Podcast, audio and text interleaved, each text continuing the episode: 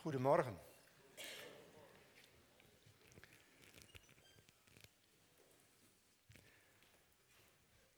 De kunst van het geven.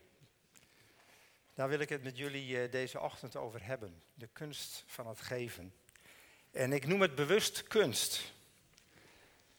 Uh, want kunst roept bij mij associaties op van creativiteit, vrijheid, uh, speelsheid.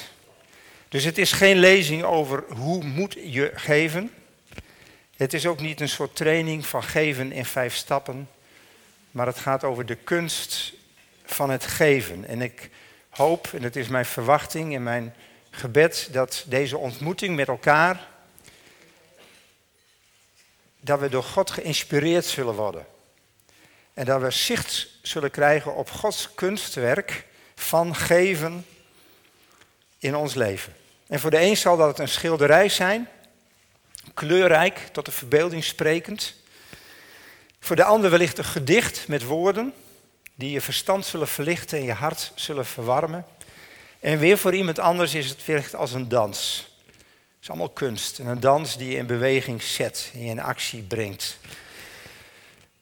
En ik spreek over de gever, dus de laatste van de, van de gaven, de motivatiegaven, maar over de gever in relatie met de verschillende talenten die God ons gegeven heeft, maar ook in de overtuiging dat we allemaal geroepen zijn om gevers te zijn. Dus los van je motivatiegaven, wij zijn allemaal gevers, omdat God zelf de grootste gever is. En ik hoop dat wij ons bewust mogen zijn dat ons leven een geschenk is. Een cadeautje. Van God aan ons. Hij heeft ons het leven gegeven, maar ook van God aan elkaar. Wij zijn een cadeautje. Jij bent een cadeautje voor de ander. Je bent een cadeautje voor de ander. Jouw aanwezigheid in deze wereld als vrouw of als man, je bent een presentje. Nou, dus in deze tijd van het jaar natuurlijk spreekt dat tot de verbeelding. Je bent een presentje. In het Engels is het eigenlijk heel mooi. Je zou kunnen zeggen, be present. Dus wees aanwezig. Be a present. Wees een cadeautje voor elkaar. Wij zijn een gave, een gift aan elkaar. Kijk eens naar de mensen om je heen. Doe dat eens even. Kijk eens naar de mensen om je heen. Wij zijn geen last voor elkaar. Ooit zei een hele zure filosoof, een Franse filosoof, die zei: De hel, dat is de ander. Onzin. De hel is niet de ander. De ander is juist een zegen. En wij zijn een cadeautje voor elkaar. Dat is onze roeping. Geen obstakel, geen concurrenten, maar een geschenk. Want we namelijk op het moment dat wij aan elkaar geven, dan weerspiegelen wij de drie enige God. En met name in deze tijd staat het geven centraal. dat begint een beetje met Sint Maarten. Dat kinderen langs de deuren gaan en dan iets krijgen. Sint Maarten die zijn mantel afstond aan de armen. En dan komt Sinterklaas, nou, net gehad. Ook geven, cadeautjes onder de kerstboom. We hebben allerlei tradities die door elkaar lopen, maar wij vinden het mooi om cadeautjes te geven we vinden het mooi om cadeautjes te krijgen. En waarom? Omdat God een gevende God is. Daar worden we blij van. Van geven worden we blij. Nou, vandaag is de derde Adventszondag. In, die staat in de kerk bekend traditioneel als zondag Gaudete. Dat is Latijn en dat betekent verheug u, verblijd u. Naar Filippenzen 4, vers 4. Verheug u. En waarom verheugen wij ons? Omdat we kunnen geven. Omdat we mogen geven. Omdat we zo enorm veel ontvangen hebben. God is een gever, dat zei ik al. God is een gever. Alles, maar dan ook alles wat wij ontvangen hebben, wat wij hebben, wie we zijn, alles hebben wij van God gekregen. Alles hebben wij van God gekregen. De aarde waarop we leven. Alles. Het leven. Onze gezondheid. Alles hebben wij van God gekregen. En dat is wat we noemen genade. Is genade. Nou, Romeinen 12 is volgens mij al heel vaak voorbij gekomen. Maar ik lees hem nog een keer. Die tekst, Romeinen 12 vanaf vers 6. En ik lees hem, als het goed is, uit de basisvertaling, basisbijbelvertaling. En waarom? Omdat daar namelijk de woorden gaven en gekregen enorm vaak in voorkomen. Nou, en daar ging het de afgelopen tijd over. Over de gaven, de cadeautjes. De cadeautjes die God ons gegeven heeft. Ik lees het. We hebben allemaal van God verschillende gaven gekregen. Voor elke gave geeft God ons zijn hulp. Wie de gave heeft gekregen om te profiteren, heeft die gave gekregen afhankelijk van de hoeveelheid geloof die hij heeft. Wie de gave heeft gekregen om andere mensen te dienen, krijgt Gods hulp om te dienen. Wie de gave heeft gekregen om les te geven in het woord, krijgt Gods hulp om les te geven. Wie de gave heeft gekregen om andere gelovigen aan te moedigen in het geloof, krijgt Gods hulp om dat te doen. Wie de gave heeft gekregen om te geven, krijgt Gods hulp om dat bescheiden te doen. En wie de gave heeft gekregen om, God, om de leiding te geven, krijgt Gods hulp om daar ook zijn uiterste best te doen, in te doen. En wie de gave heeft gekregen om andere mensen te helpen, krijgt Gods hulp om dat blij te doen. Wat een genade. Wat een genade. En genade, tenminste zo ging het mij vaak af, bij genade dacht ik vaak aan schuld. En aan vergeving. En wat een geschenk is dat, vergeving. als je het hebt over een cadeautje krijgen, nou vergeving is een enorm groot geschenk. Maar genade is natuurlijk veel meer dan vergeving en een soort antwoord op het probleem schuld. Genade is alles wat we onverdiend van God gekregen hebben. Genade is alles wat we onverdiend van God gekregen hebben. En in dat opzicht zou je kunnen zeggen dat we het meest gebruik maken van genade als we heel dicht bij God leven. Als we heel dicht bij God leven, maken we optimaal gebruik van Gods genade. Want het is toch zonde als je ver van Hem afleeft en als je op eigen kracht probeert te leven. Als je los van de genade probeert te leven. We hebben ons leven niet gekregen op basis van verdiensten. We kunnen ons leven ook niet zelf organiseren. We zijn ook niet de bedenkers van ons eigen leven. We zijn geen self-made man of woman. Natuurlijk kunnen we plannen maken en moeten we plannen maken voor morgen. We kunnen nadenken over onze carrière of over onze vakantiebestemming of eh, hoe we in het leven keuzes maken. Tuurlijk kunnen we daarover nadenken, maar we bezitten ons leven niet. Het is ook weer een cadeautje, een gave van God. God zal het creëren en wij mogen het ontvangen, dat cadeau, en we mogen het uitpakken. Dat is wel onze verantwoordelijkheid, om het uit te pakken. God is een gever die voluit geeft zonder er zelf minder van te worden. Dat is mooi, hè? Dat geldt deels ook voor ons. Als wij iets geven, maar soms, soms ook niet. Hè? Deels is dat iets voor ons. Kijk, als ik iets geef, stel dat ik dit glas water, neem trouwens even een slokje. Stel dat ik dit glas water bijvoorbeeld eh, aan mijn vrouw Riemke geef, dan heeft zij hem en dan ben ik hem kwijt. Zo werkt dat. Als jij iets materieels geeft of geld, dan laat je het los. Maar je kunt ook dingen geven, liefde, aandacht, die je dus niet kwijtraakt. En je raakt liefde niet kwijt door het te geven. Sterker nog, het wat sterker, wat groter. Goed, God geeft niet onder het voorbehoud dat hij er iets voor terugkrijgt. Want dan zou het ook geen geven zijn, maar dan zou het een soort ruil zijn of een soort investeren.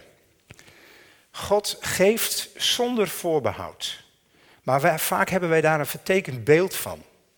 En, en ja, dat hebben we allemaal denk ik wel betijden. En we hebben eigenlijk twee beelden, waardoor je eigenlijk als het over geven gaat, geven en nemen, geven en ontvangen, dat je een verkeerd beeld van God zou kunnen hebben.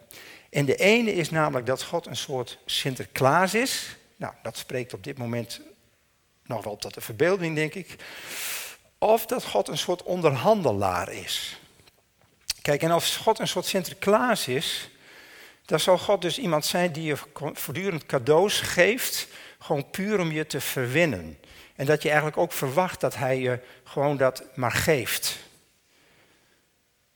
En dat je wellicht ook teleurgesteld raakt op het moment dat je iets niet ontvangt. Maar God is geen Sinterklaas. Die je cadeaus geeft om je te verwinnen. God geeft opdat je weer door gaat geven en door kunt geven. En God is ook geen onderhandelaar. En soms zie ik ook dat die Sinterklaas en die onderhandelaar door elkaar lopen. Want er zijn ook kinderen die misschien nog best wel respect hebben voor Sinterklaas. Want ja, als je niet braaf bent. En als, als je God als onderhandelaar ziet, dan zeg je eigenlijk: God, wilt u mij zegenen? Wilt u mij dingen geven? En dan zal ik heel vroom leven. Heer, en als ik dan heel braaf ben en doe wat u zegt, zult u mij dan zegenen. En dan wordt God een soort onderhandelaar. Maar weet je, dat heeft geen nut. Want wat hebben wij te bieden als we met Hem gaan onderhandelen? Want alles wat wij hebben, was sowieso al van Hem. dus we hebben in dat opzicht Hem niks te bieden. Nee, God geeft niet om ons te verwinnen, maar Hij geeft omdat Hij een gevende God is. En Hij geeft zodat wij op onze beurt ook weer kunnen geven. Tuurlijk is het belangrijk als het om geven gaat en of het nou om materiële dingen gaat, geld, goederen, of om immateriële dingen, tijd, aandacht, liefde. Tuurlijk is het goed om te beseffen dat je niet alleen maar geeft, geeft, geeft. Want dan loop je leeg. Of dan droog je op.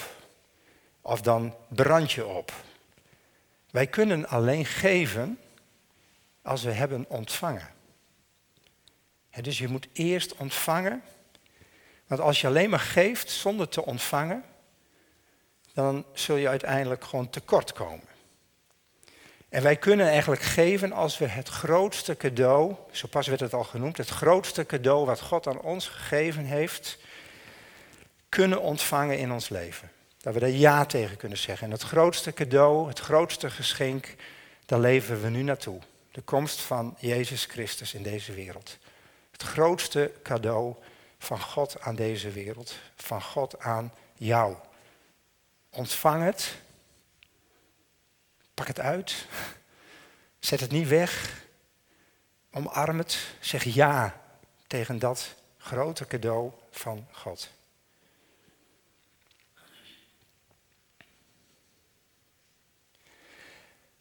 Want God geeft. En op het moment dat wij doorgeven. En in dat ontvangen, in dat geven, daar echoot eigenlijk de stroom van liefde. Een stroom van levend water. Nou, er komt al een riviertje voorbij. Daar ga ik zo meteen op in. Een stroom van levend water. Dit is niet het Koningsdiep. Dat hadden jullie al gedacht, denk ik. Het is ook niet de Draait. Het is zelfs niet de Dokkumree, in de buurt waar wij wonen. Wie weet welke riviertje dit is? De Jordaan, precies. Dit is de Jordaan. En de Jordaan, ja, de Jordaan is niet eens zo heel imponerend. Het is geen Rijn of een Maas of een Donau. Het is een klein riviertje, maar het stroomt vanuit het Hermongebergte en het voedt twee meren zeeën, als het ware, in, in uh, Israël. Het volgende sheet is het meer van Tiberias, meer van Galilea. Jullie zien bloeiende bomen, je ziet prachtig water. Er zitten groene weiden omheen, de zaligsprekingen zijn vanaf die weiden heeft Jezus gesproken. En er wordt ook gesproken over dat hij de, de duizenden voet en dat ze gingen zitten in het groene gras. Is een prachtige omgeving van leven, vol met vis. Prachtig, gevoed door de Jordaan. En dan zien we nog een foto. Dat is de Dode Zee. En de Dode Zee die heeft haar naam niet voor niks. Het is zo dood als een pier. Er is geen leven. Er geen planten, geen vissen. Het kan daar niet. Het is, het is doods. Het enige wat daar drijft zijn toeristen. En voor de rest. voor de rest is daar niets. En ik heb gelezen dat zelfs de Dode Zee eindig is. Want het schijnt dat de Dode Zee binnen, nou, wellicht een paar decennia niet meer is dan een droge vlakte. Opgedroogd. Hoe kan dat? Hoe kan het nou eigenlijk dat twee zeeën, twee meren eigenlijk, gevoed door dezelfde bron, gevoed door dezelfde stroom, de stroom van levend water zou je kunnen zeggen, gevoed door het water van de Jordaan, de ene vol is van leven en de ander zo dood als een pier. Het grote verschil is dat de ene het ene meer ontvangt en geeft ook weer door. Het meer van Tiberias ontvangt het water en geeft het weer door. Het blijft een levende stroom. Een stroom van levend water. Op het moment dat je geeft, of ontvangt en ook weer doorgeeft, dan is de stroom levend. De Dode Zee, door zijn ligging, door de diepte, kan eigenlijk alleen nog maar ontvangen. Het water komt eraan en daar stopt het. Daar eindigt het. En op het moment dat het levende water alleen maar ontvangen wordt, op het moment dat de gaven van God door ons alleen maar ontvangen worden, voor onszelf, en het zou bij ons stoppen, dan gaat het leven eruit. Want alleen als je ontvangt en doorgeeft, is er leven. En zodra het geven stopt, stopt het leven. En ik denk dat het natuurlijke eigenlijk van dit beeld, hoe dat daar gaat, ook prachtig iets zegt over ja, hoe dat eigenlijk bij ons werkt. Als wij geven, maar ook als we ontvangen en weer doorgeven. En wij zijn geroepen om te geven, omdat we beelddragers van Hem zijn die een gever is. En Hij geeft ons en hij geniet ervan op het moment dat wij ook weer geven. En eigenlijk geven we daarmee ook wel weer een beetje terug aan hem. En dat is een mooi principe. En dat kennen jullie denk ik allemaal wel. Als je bijvoorbeeld zakgeld geeft aan een kind, dan hoop je dat dat kind dat zakgeld niet alleen maar gebruikt om zelf een snoep van te kopen of computerspelletjes of weet ik veel. Tuurlijk, deels wel. Maar je hoopt ook dat het kind dan bijvoorbeeld als het broertje of zusje of een vriendinnetje of een vriendje jarig is, dat geld ook gebruikt om weer te geven. Toch? Zo werkt dat. Dat hoop je dan als ouders. Dat daar zakgeld voor bedoeld is.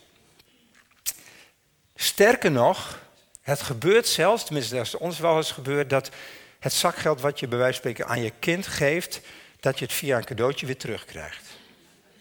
En zo werkt het bij God ook. En dat is mooi. Dus de stroom van ontvangen gaat weer verder in geven en opnieuw weer ontvangen. En dat is geen sigaar uit eigen doos, maar dat is liefde die doorgaat, die stroomt. En weet je, dat is mooi. Wij hebben, Riemke en ik hebben dat ook zelf ervaren. Hoe mooi het is om te kunnen ontvangen, om weer door te kunnen geven. Wij, zijn, wij hebben dan die stichting in Oeganda. En ik merk dat ik er zo blij van word. Ik word eigenlijk blijer en ik weet zeker dat Riemke dat nog sterker heeft. Want die is nog een grotere gever dan dat ik dat eigenlijk ben. Uh, je wordt er zo blij van als je dus iets krijgt en het enige wat je hoeft te doen is doorgeven. Doorgeven. Prachtig. En dat is mooi. En wist je dat er een Joodse wet is? Dat vond ik wel interessant. Er is een Joodse wet dat die zegt dat degene die afhankelijk is van giften, zelf ook moet geven.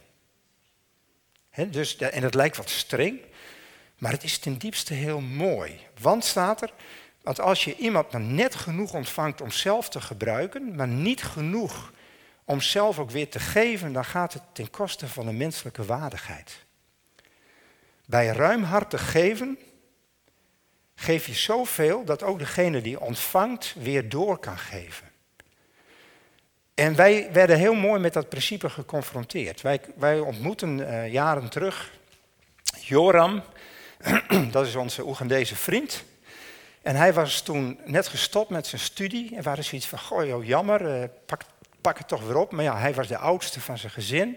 En hij zei, nee, ik moet werken voor mijn broers en zussen. Maar mijn vader en mijn moeder kunnen dat niet betalen. Dus ik moet werken zodat zij naar school kunnen gaan, naar de voortgezet onderwijs. En wij hadden zoiets van, nou weet je, uh, wij willen jou wel ondersteunen in je studie. En we hadden dat precies uitgerekend, wat kost dat dan die studie. En hij bleef daarnaast ook nog werken, dus hij ging, ging naar de universiteit op avond. En we hadden het precies uitgerekend. Hartstikke mooi. En, na verloop van tijd kwamen we erachter dat hij een deel van het geld wat wij hem gaven, dat hij dat weer weggaf. En mijn eerste reactie was, ja hallo, dat is niet de afspraak. En Riemke was milder. maar ik was dus niet aan het geven, ik was aan het investeren. En ik had het dus, we hadden het goed berekend. En tegelijkertijd besefte ik, wat is dat mooi.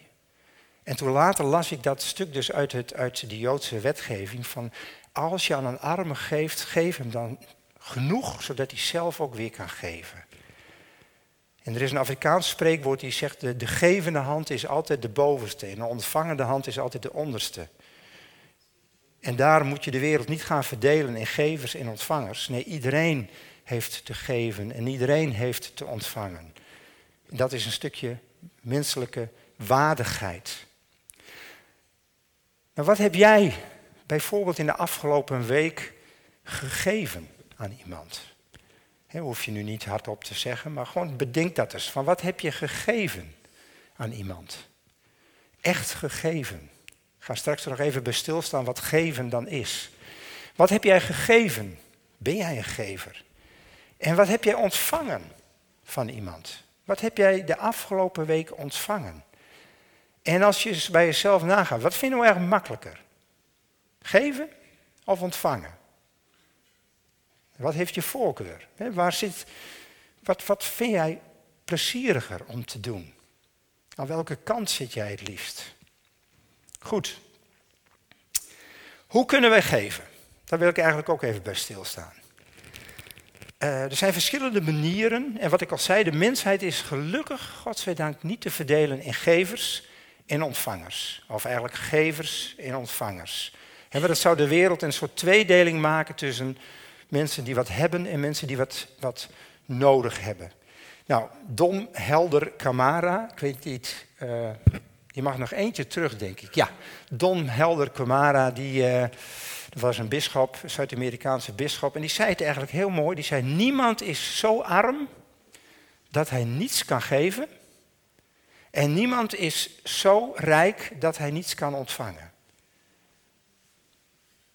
dus niemand is zo rijk dat hij niets eh, kan ontvangen en niemand is zo arm dat hij niets kan geven. En die ervaring hebben wij ook opgedaan, onder andere in Oeganda. Dan ga je erheen met het idee van wij komen iets brengen. En je gaat zo, zo superrijk aan ervaringen, aan liefde, aan aandacht, aan vreugde, aan geloof, ga je weer terug. En dan denk je wat te brengen. Maar je gaat uiteindelijk verrijkt weer naar huis. En dat is een mooie, terwijl zij andersom ook zullen zeggen, goh, wat zijn we blij dat ze er geweest zijn. Want ze hebben ons zoveel gegeven. dus daar zit dat principe ook heel mooi in. Goed. En toch zien we dat die verdeling soms stagneert. En dat het niet evenwichtig is. Dat er in die balans tussen geven en ontvangen, dat daar iets, ja, iets mis is gegaan.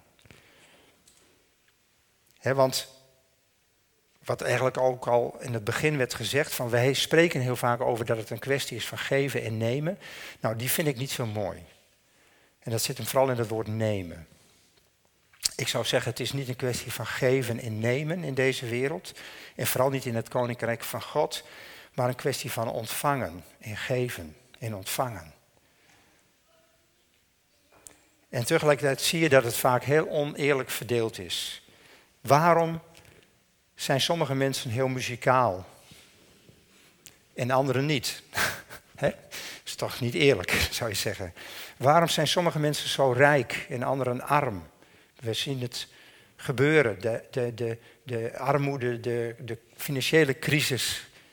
Meer als ooit hebben mensen, ja, zitten de mensen in nood, weten ze soms niet hoe ze zeg maar, hun uitgaven nog moeten betalen.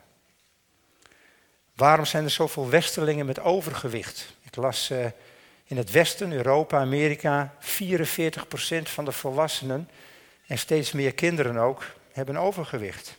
Ja, en in Afrika zijn er hele andere problemen. 20% en dat stijgt jammer genoeg ook weer, zijn ondervoed. Hoe kan dat nou? Hoe kan dat nou?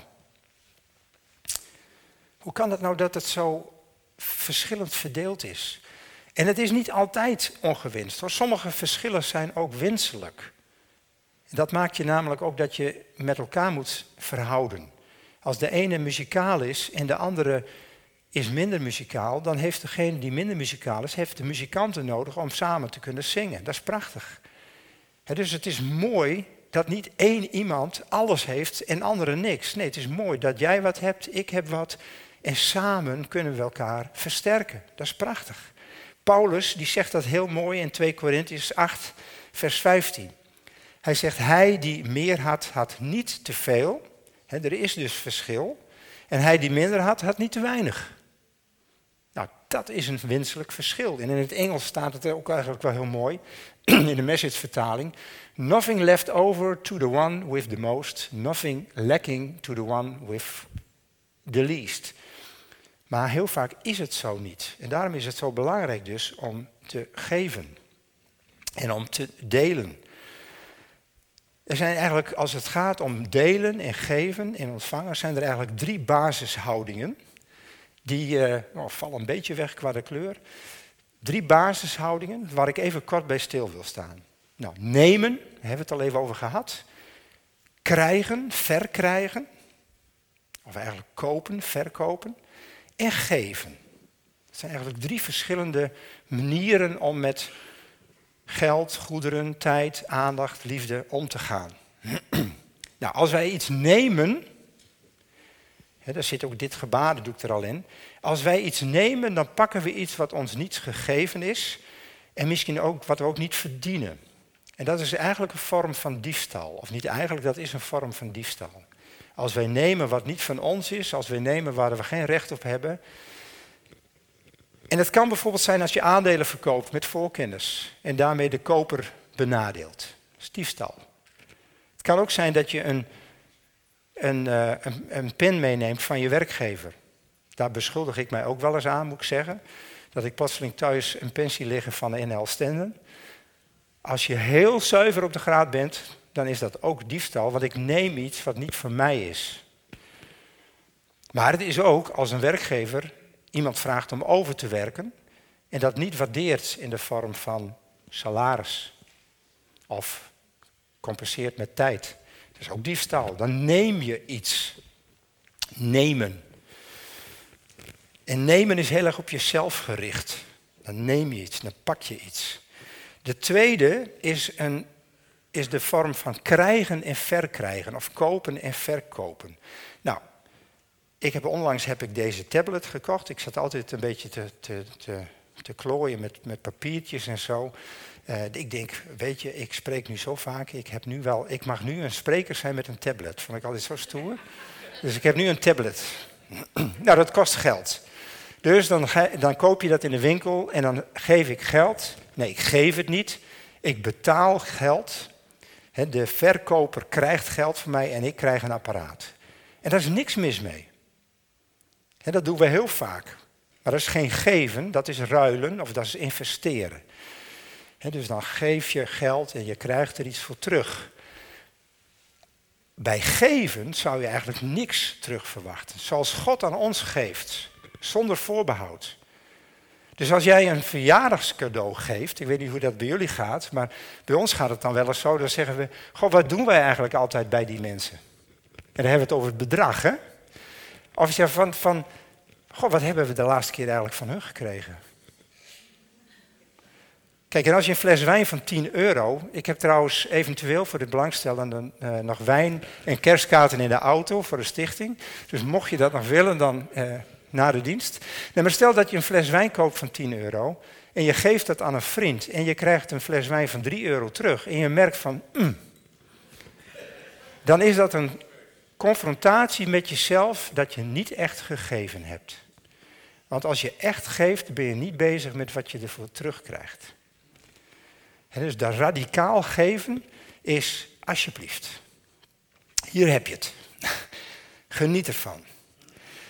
Daar toen we in de auto zaten nog over. Wat wij bijvoorbeeld in Oeganda doen, is niet in zekere zin een vorm van geven. Het is een vorm van investeren. want als je geeft, ga je het ook niet oormerken. Van hé, hey, ik geef je 100 euro, maar je moet er dit mee doen. Dat is geen geven. Dat is investeren. Als je een kerstcadeau geeft straks aan een van je klanten, omdat je een eigen bedrijf hebt, prima. Maar dat is geen geven. Dat is investeren. Want je hoopt dat die klant dan in het komende jaar weer aan jou denkt.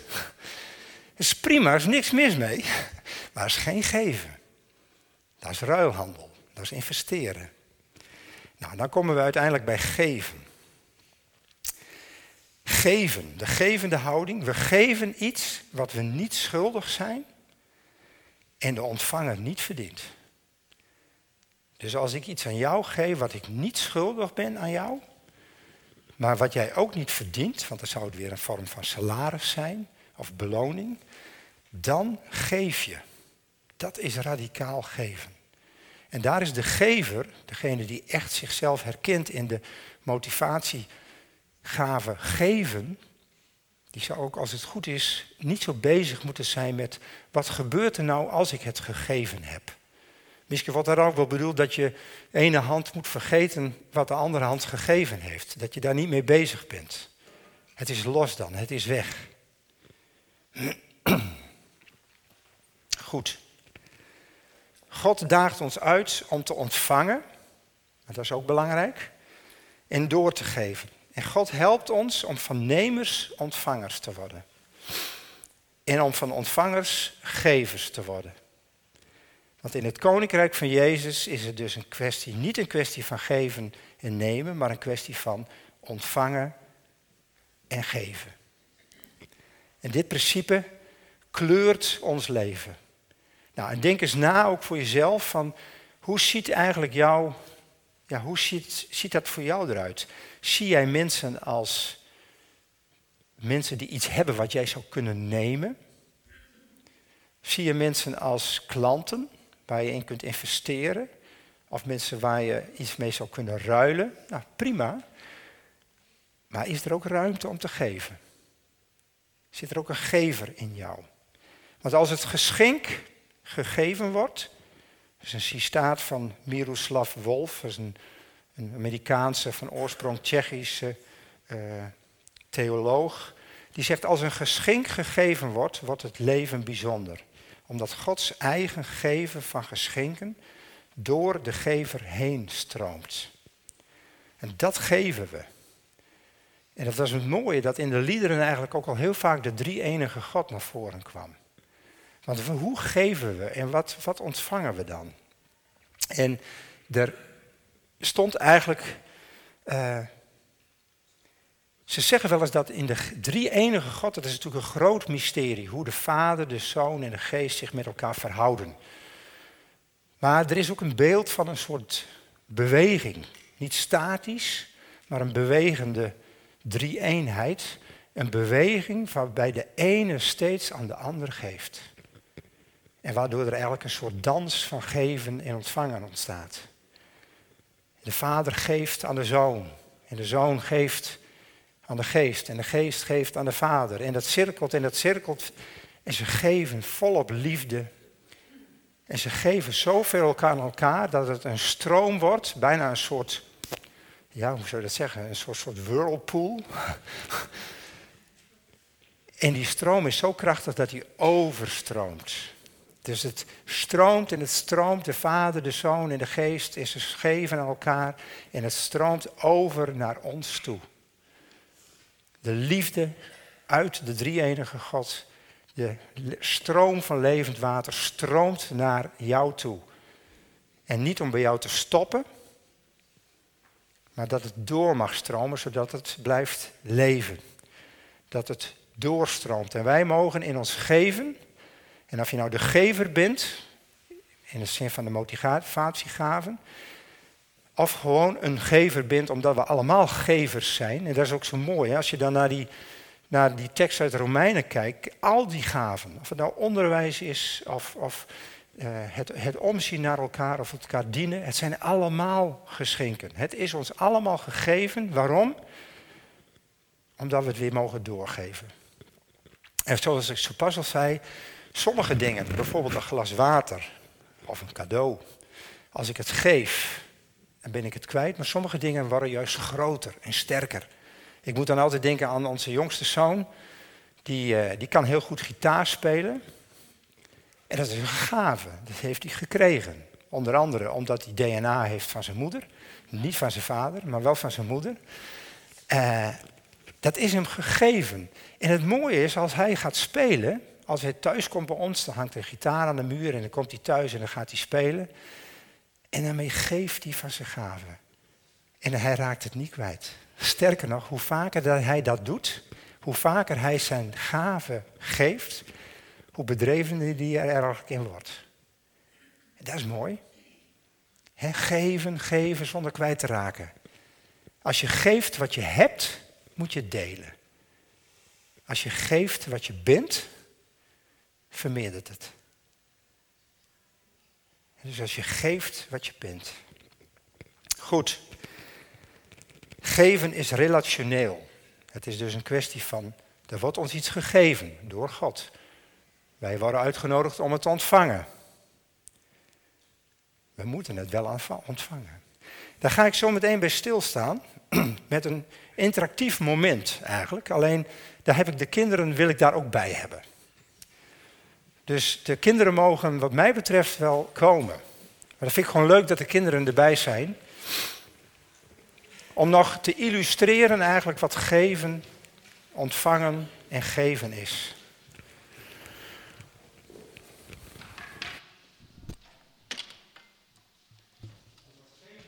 Is relationeel en geven is een feest. En de gever weet dat. En ik denk dat jullie dat eigenlijk allemaal wel weten. dan zal ik de kinderen zometeen proberen een klein beetje bij te praten.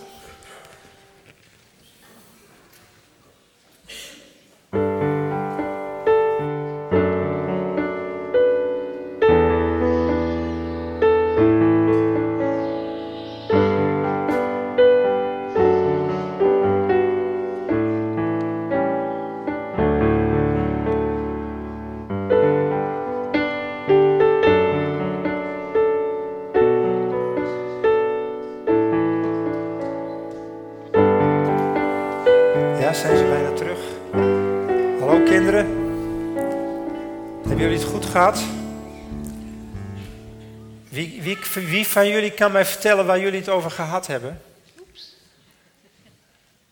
Wie van jullie kan me vertellen, ja? Oh, ze steken heel netjes hun vinger op. Ja, vertel eens.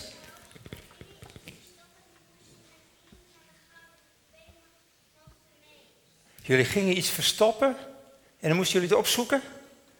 Oh, dat is mooi. Ja, en wat was het? Een doosje. Oké, mooi. Hebben jullie het toevallig ook over geven gehad? Iemand van de leiding? Nou, wij hebben het over geven gehad. Want dit is een tijd waarin er heel veel gegeven wordt. Sinterklaas is net geweest. We hebben cadeautjes wellicht gekregen. En misschien dat andere kinderen misschien wel cadeautjes krijgen rond kerst. Of misschien dat je net jarig bent geweest, dan krijg je vaak ook cadeautjes. En dat gaat over geven. En wij hebben het ook over gehad hoe mooi het is om te geven. En wat vinden jullie uh, leuker? Geven of krijgen? Krijgen, ja, dat is ook zo. En dat is ook mooi, want als kind denk ik mag je eerst bij wijze van spreken wel twintig jaar lang heel veel krijgen. En waarom? Zodat je daarna weer heel veel kunt uitdelen. hey, uh, wat staat hier op het podium? Daar heb ik even jullie aandacht nodig. Hier zit een meisje met de rug naar me toe. Hartstikke leuk. wat is dat? Een cadeau. Hoe weet je dat dat een cadeau is? Omdat er een lintje in papier omheen zit. Hartstikke goed. Hoe heet jij? Sela. Wat mooi. Dit is, ja, dit is een cadeau, want er zit een papiertje en er zit een lint omheen. Ah, daar komen nog meer aan. Ik denk al, de helft van de gemeente is weg, maar dat waren de kinderen. Prachtig. Goed. Dus dit is een cadeau. Want er zit een papiertje omheen en er zit een lintje omheen. Is dat zo, mensen? Dat, is dit een cadeau? Is dit een geschenk? Wat zei je? Misschien zit er wel niks in. Nee, dus eigenlijk proef ik ook enige nieuwsgierigheid van wat erin zit. Ja, ja. Hey, wie zou met mij, en ik denk dat ik toch even een, groot, een, een, grote mens daarvoor vraag, maar zometeen heb ik wel een paar kinderen nodig, maar dat komt zometeen. Uh, wie zou met mij even een heel klein toneelstukje willen doen van de grote mensen? Ja, Niels. Ja, ik zie Niels zitten.